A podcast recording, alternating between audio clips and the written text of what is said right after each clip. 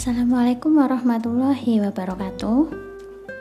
Ketemu lagi dengan saya. Hari ini kita akan uh, membahas terkait sampling probabilistik dan sampling non probabilistik. Seperti yang sudah kita bahas pada episode 1, kalau kita ingin melakukan suatu penelitian kuantitatif, kita butuh yang namanya sampling.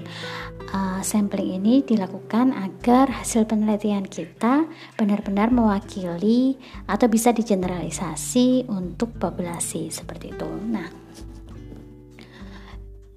ketika seorang peneliti memutuskan menggunakan jenis pengambilan sampel mana yang akan digunakan, itu selalu memperhatikan beberapa faktor, misalkan seperti ini. Ketika dia ingin uh, penelitiannya itu nggak kaku-kaku banget, gitu ya, misalkan ting berdasarkan tingkat kekakuannya, itu bisa menjadi faktor uh, seorang peneliti memilih sampling tertentu, metode sampling tertentu. Kemudian yang kedua ada karakteristik dari target populasi. Atau kemarin sempat kita bahas di episode 1 itu kerangka populasi atau oh sorry kerangka sampling kemudian faktor yang ketiga itu adalah ketersediaan peserta. Nah, dia mau nggak? Dia nyaman nggak? Misalkan seperti itu. Nah kita mulai bahas untuk yang sesi 1 itu terkait probability sampling. Nanti sesi 2 kita bahas terkait non probability non probability sampling. Kemudian yang ketiga terkait ukuran dari sampling. Oke kita masuk ke sesi satu. Sebenarnya apa sih uh, probability sampling itu probability sampling itu uh, merupakan salah satu metode sampling yang paling kuat paling kaku di mana peneliti memilih individu dari populasi itu benar-benar yang mewakili karakteristik dari populasi nah Uh, mengapa disebut yang paling ketat? Karena di sini peneliti bisa mengklaim bahwa sampel tersebut itu benar-benar mewakili populasi sehingga dapat membuat uh, sehingga hasil penelitian itu dapat dibuat untuk mengeneralisasi kepada populasi. Pada umumnya ada tiga jenis probability sampling. Yang pertama itu adalah simple random sampling atau uh, apa sih namanya? sampling acak sederhana. Kemudian ada stratified sampling atau sampling strata, jadi dibuat level-level gitu. Kemudian ada multi-stage culture sampling. Nah, kita bahas yang pertama ya, terkait simple random sampling. Simple random sampling ini merupakan sampel probabilitas yang paling populer dan ketat uh, yang ketat untuk suatu populasi. Jadi maksudnya itu ketika ketika kita memilih sampling itu setiap individu dianggap memiliki probabilitas yang sama untuk dipilih dari populasi. Jadi uh, kemungkinan untuk kita mengambil satu individu itu probabilitasnya sama. Nah, Maksud dari simple random sampling ini adalah dengan memilih individu yang akan dijadikan sampel dan yang akan mewakili populasi. Didistribusikan secara merata di antara orang-orang yang dipilih. Nah, meskipun di sini uh, distribusi yang sama itu tidak selalu memungkinkan. Kemudian gimana sih prosedur yang paling umum kalau kita ingin melakukan sampel acak sederhana itu gimana sih? Ya tentunya kita paling sederhana itu kita menetapkan, nah kita memberi nomor kepada setiap individu atau setiap situs atau setiap sekolah, misalkan kita mengambil sampelnya berupa sekolah. Kemudian setelah itu kita menggunakan tabel angka acak. Nah itu banyak sekali ada di buku-buku statistik bagaimana sih kita memilih individu atau situs untuk sampel menggunakan uh, simple apa sih tadi? Simple random sampling seperti itu. Nah pros, uh, untuk menggunakan prosedur ini kita memerlukan daftar anggotanya yang ada di dalam populasi, populasi target kita. Kemudian uh, kita memberi nomor yang sudah kita tetapkan kepada setiap individu itu prosedur yang paling mendasar di dalam kita melakukan simple random sampling ya. Cuma di acak biasa gitu kasih nomor acak biasa. Tapi tentunya ini nggak bisa dipakai kalau sampelnya itu juga terlalu besar. Itu susah dipakai kayak gini. Karena kita harus menomori satu-satu kan ya. Kemudian uh, kita uh, ada ada sebenarnya ada satu simple random sampling yang disebut dengan kata lainnya itu uh, apa sih jenis lainnya itu adalah systematic sampling. Apa bedanya? Sebenarnya ini adalah suat, uh, satu variasi dari simple random sampling. Hanya saja dia menggunakan pengambilan sampel yang lebih sistematis. Gimana prosedurnya Nah, kamu bisa memilih setiap individu atau situs atau lokasi dalam populasimu itu tadi sampai kamu mencapai ukuran sampel yang diinginkan. Prosedur ini tidak seakurat dan seketat menggunakan tabel angka acak, tapi mungkin lebih nyaman karena individu tidak harus di, diberi nomor, jadi nggak harus dikasih nomor. Nah, caranya misalkan seperti ini. Dan juga tidak memerlukan tabel angka acak seperti sim uh, simple random sampling tadi. Tapi misalkan seperti ini, kita ingin mengambil sampelnya itu 20% dari uh, dari populasi. Misalkan populasinya 100, kita ingin ingin ambil 20. Berarti kita kasih nomor langsung 1 2 3 4 5, yang 5 kita ambil sebagai sampel. 6 7 8 9 10 dan seterusnya seperti itu. Itu contohnya systematic random sampling. Oke. Sekarang kita lanjut ke tipe probability sampling yang kedua yaitu stratified sampling. Namanya stratified ya berarti kan di strata dibuat sampel bertingkat-tingkat gitu. Atau kata lainnya sih uh, pengambilan sampel bertingkat. Kata lainnya itu. Nah gimana prosedur kita melakukan pengambilan sampel bertingkat? Sederhana sekali. Jadi hmm, misalkan kita sebagai peneliti ingin membagi atau membuat tingkatan-tingkatan dari populasi ke dalam beberapa karakteristik karakteristik khusus. Misalkan entah gender entah kemampuan matematikanya. Kalau di matematika ya atau mungkin berdasarkan uh, apa namanya apa sih negaranya? Berdasarkan gaya kognitifnya misalkan seperti itu. Nah kita bisa menggunakan uh, stratified random sampling. Nah, ini kapan bisa digunakan? Ketika menggunakan jadi caranya itu hampir sama seperti sampel aja sederhana, tapi kita membuat level-level terlebih dahulu. Misalkan atau mengun, meng, mengguna, me, apa ya, membagi ke klasifikasi khusus. Misalkan dari gender ya. Dari gender ada populasi ada populasi subpopulasi kata lainnya misalkan uh, ada yang subpopulasi perempuan sama subpopulasi laki-laki. Nah, nanti kita melakukan sampel acak sederhana pada setiap subpopulasi tadi atau strata populasi yang dibuat. Nah, tujuannya untuk apa sih sebenarnya stratified sampling ini? Tujuannya adalah uh, ingin kita ingin menjamin bahwa sampel yang tercakup itu mewakili karakteristik spesifik yang benar-benar diinginkan peneliti.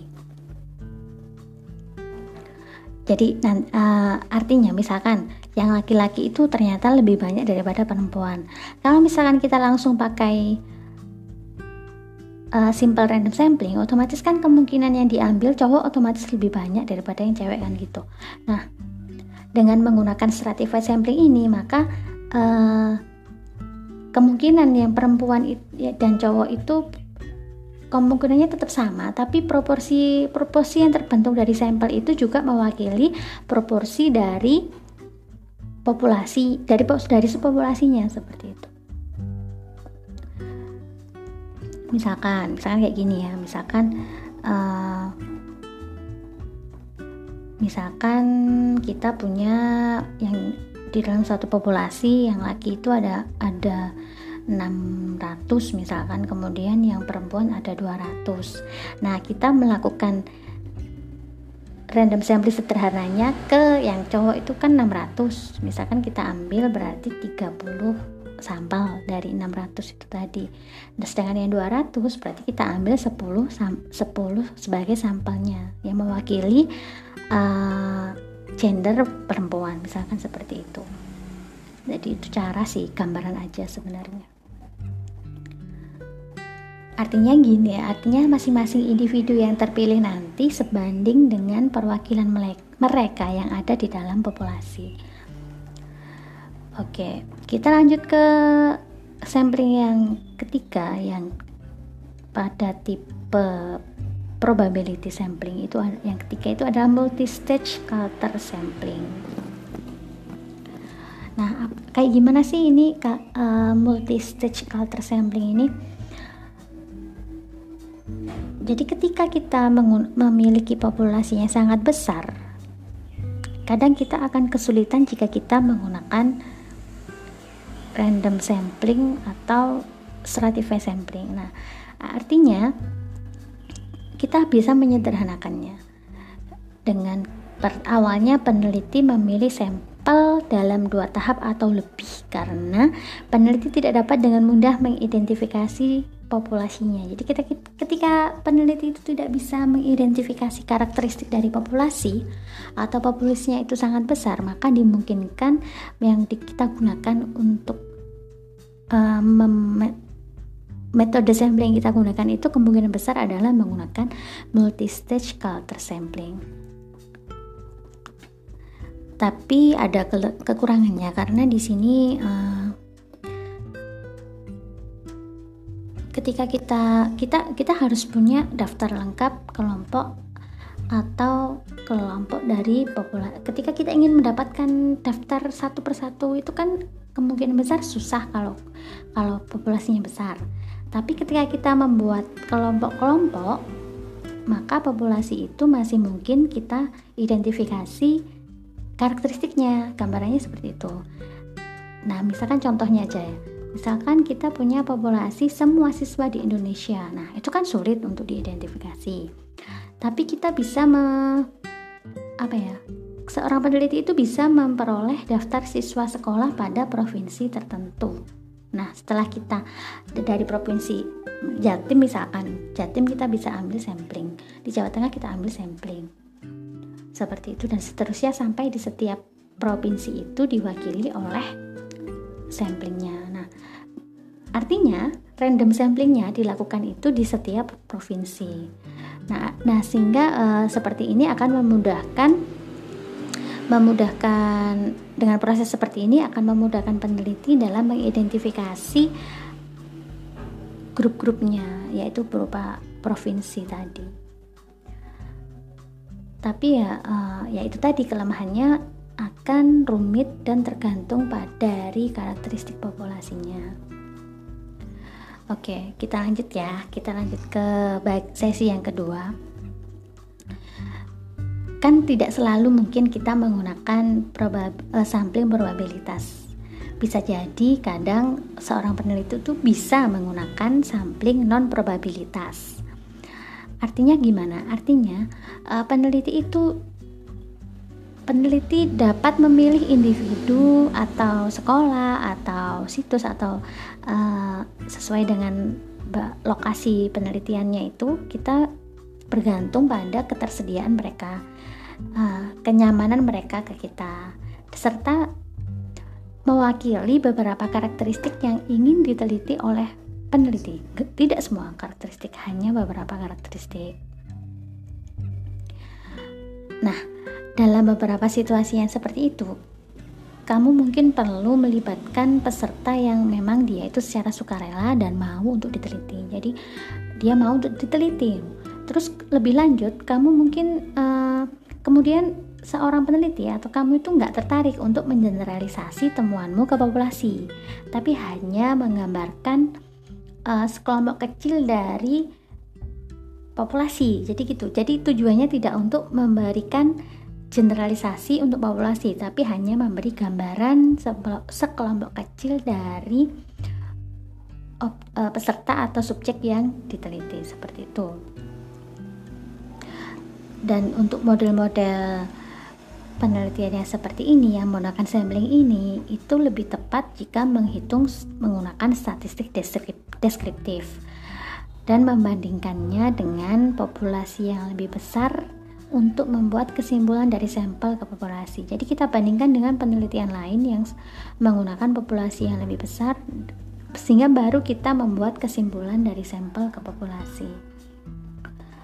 Oke, kita bahas ya. Ada beberapa ada dua tipe untuk sampel non probability itu ada dua tipe. Yang pertama adalah uh, convenient atau sampling kenyamanan. Kemudian yang kedua adalah pendekatan sampling snowball atau apa sih bola salju itu loh. Oke, kita lanjut ke sampling kenyamanan ya. Dalam sampling kenyamanan itu peneliti bisa memilih peserta karena mereka itu bersedia untuk diteliti. Nah, artinya peneliti kan nggak bisa mengatakan kalau uh, individu itu benar-benar mewakili populasi. Tapi sampel yang diambil itu akhirnya tetap memberikan informasi yang berguna untuk pertanyaan atau hipotesis penelitian. Coba kita uh, bahas ya, ada contohnya nih kalau pakai sampling kenyamanan atau sampling convenience. Misalkan seorang peneliti ingin melakukan penelitian yang melibatkan siswa di Jawa Timur.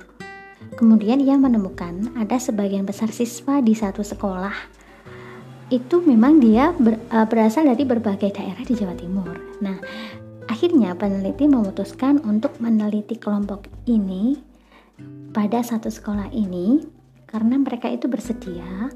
Kemudian peneliti juga memperoleh izin dari kepala sekolah dan juga memperoleh izin dari siswa atau persetujuan dari siswa untuk berpartisipasi di dalam penelitian itu. Sehingga di sini yang digunakan adalah uh, sampel convenient atau kenyamanan. Oke. Kita lanjut ke tipe yang kedua. Tipe yang kedua ini adalah oh ya, untuk tipe satu tadi yang harus kita yakinkan adalah selain ketersediaannya memang sampel yang sampel yang bersedia tadi itu mampu memberikan informasi yang benar-benar berguna untuk menjawab pertanyaan atau menjawab hipotesis penelitian. Itu kata kuncinya sih. Kemudian uh, untuk pengambilan sampel snowball sampling atau sampel bola salju adalah secara praktisnya itu seperti ini Peneliti meminta peserta untuk mengidentifikasi orang lain untuk menjadi anggota sampel. Jadi kita awalnya hanya memilih satu atau beberapa. Kemudian dari setelah mereka menjadi sampel, kita meminta mereka untuk mengidentifikasi kira-kira siapa yang bisa menjadi sampel untuk penelitian ini. Kita minta rekomendasi dari mereka. Seperti itu misalkan uh, kamu memberikan uh, survei kepada salah satu siswa di sekolah A misalkan itu siswanya siswa satu nah siswa satu ini diminta untuk memberikannya ke siswa dua tapi uh, tidak tidak uh, tidak atas rekomendasi peneliti tapi atas rekomendasi dari dia dari siswa satu itu Nah, akhirnya ketika siswa dua diminta untuk siswa satu mengisi survei, maka siswa dua ini menjadi anggota anggota sampel seperti itu. Dan seterusnya. Jadi nanti setiap dia mengisi dia harus minta tolong ke ke siswa lain untuk mengisi survei itu. Nah, bentuk pengambilan sampel yang seperti ini memiliki keuntungan dalam merekrut jumlah peserta yang banyak untuk penelitian. Tetapi untuk menggunakan proses ini kita akhirnya tidak dapat hmm, mengidentifikasi secara jelas karakteristik dari sampel kita itu tadi. Itu kelemahannya. Dan keunggulan dari sampling ini kita bisa mengidentifikasi uh, kita bisa mengurangi, sorry, mengurangi kemungkinan adanya individu yang tidak mengembalikan survei. Jadi mereka pasti merespon dari survei yang kita kasihkan karena uh, peserta itu menerima survei dari orang lain. seperti itu oke kita lanjut ke tema yang terakhir yaitu yang ketiga yaitu terkait ukuran sampel oke saat kita memilih peserta untuk penelitian kita juga penting untuk menentukan ukuran sampel yang kita butuhkan sebenarnya aturan umum dari memilih sampel itu ya sebanyak mungkin sebenarnya. Semakin besar sampel, maka potensi kesalahannya akan juga semakin kecil. Nah, ketika ada perbedaan antara uh, skor sampel dan skor populasi itu ada merupakan satu kesalahan pemilihan pengambilan sampel. Jadi jangan sampai skor yang kita peroleh di sampel itu perbedaannya banyak dengan skor populasi. Nah, ketika kita uh, kamu itu memilih satu sampel secara berurutan, misalkan habis 5 terus ketemu urutan ke-6. Nah, pasti rata-ratanya akan beda dong dengan rata-rata seluruh populasi. Nah, itu kesalahan yang jangan sampai terjadi. Dan kalau teman-teman pengen pengen apa ya? Pengen menentukan ukuran sampel itu sebenarnya ada nggak ada rumus khususnya sih, tapi sudah ada tabel ada tabel-tabel. Jadi banyak tabel yang bisa kalian baca di buku-buku statistik itu bisa dicari kalau misalkan penelitiannya itu eksperimen berarti kira-kira berapa sih sampel yang bisa kita ambil kayak gitu. Ada ada banyak di buku-buku statistik tapi pada umumnya kalau perkiraan kasarnya seperti ini uh, ketika melakukan penelitian eksperimen maka paling tidak 15 peserta untuk setiap kelompok itu minimal. Kemudian ketika kita pakai penelitian korelasional maka ya minimal ya 30 peserta untuk menjadi sampel. Dan untuk untuk survei paling tidak ya 350 orang dan ini tergantung dari uh, jumlah populasi juga sih sebenarnya. Sehingga kita ya harus harus apa? Kita harus mulai proaktif mencari Eh, tabel-tabel uh, untuk menentukan ukuran sampel yang patut untuk penelitian kita. Oke, saya rasa untuk metode pemilihan sampel cukup sekian. Sudah banyak sekali, juga hampir hampir hampir 20 menit lebih saya berbicara tentang ini. Semoga apa yang saya sampaikan dapat dimengerti. Terima kasih. Wassalamualaikum warahmatullahi wabarakatuh. Bye bye.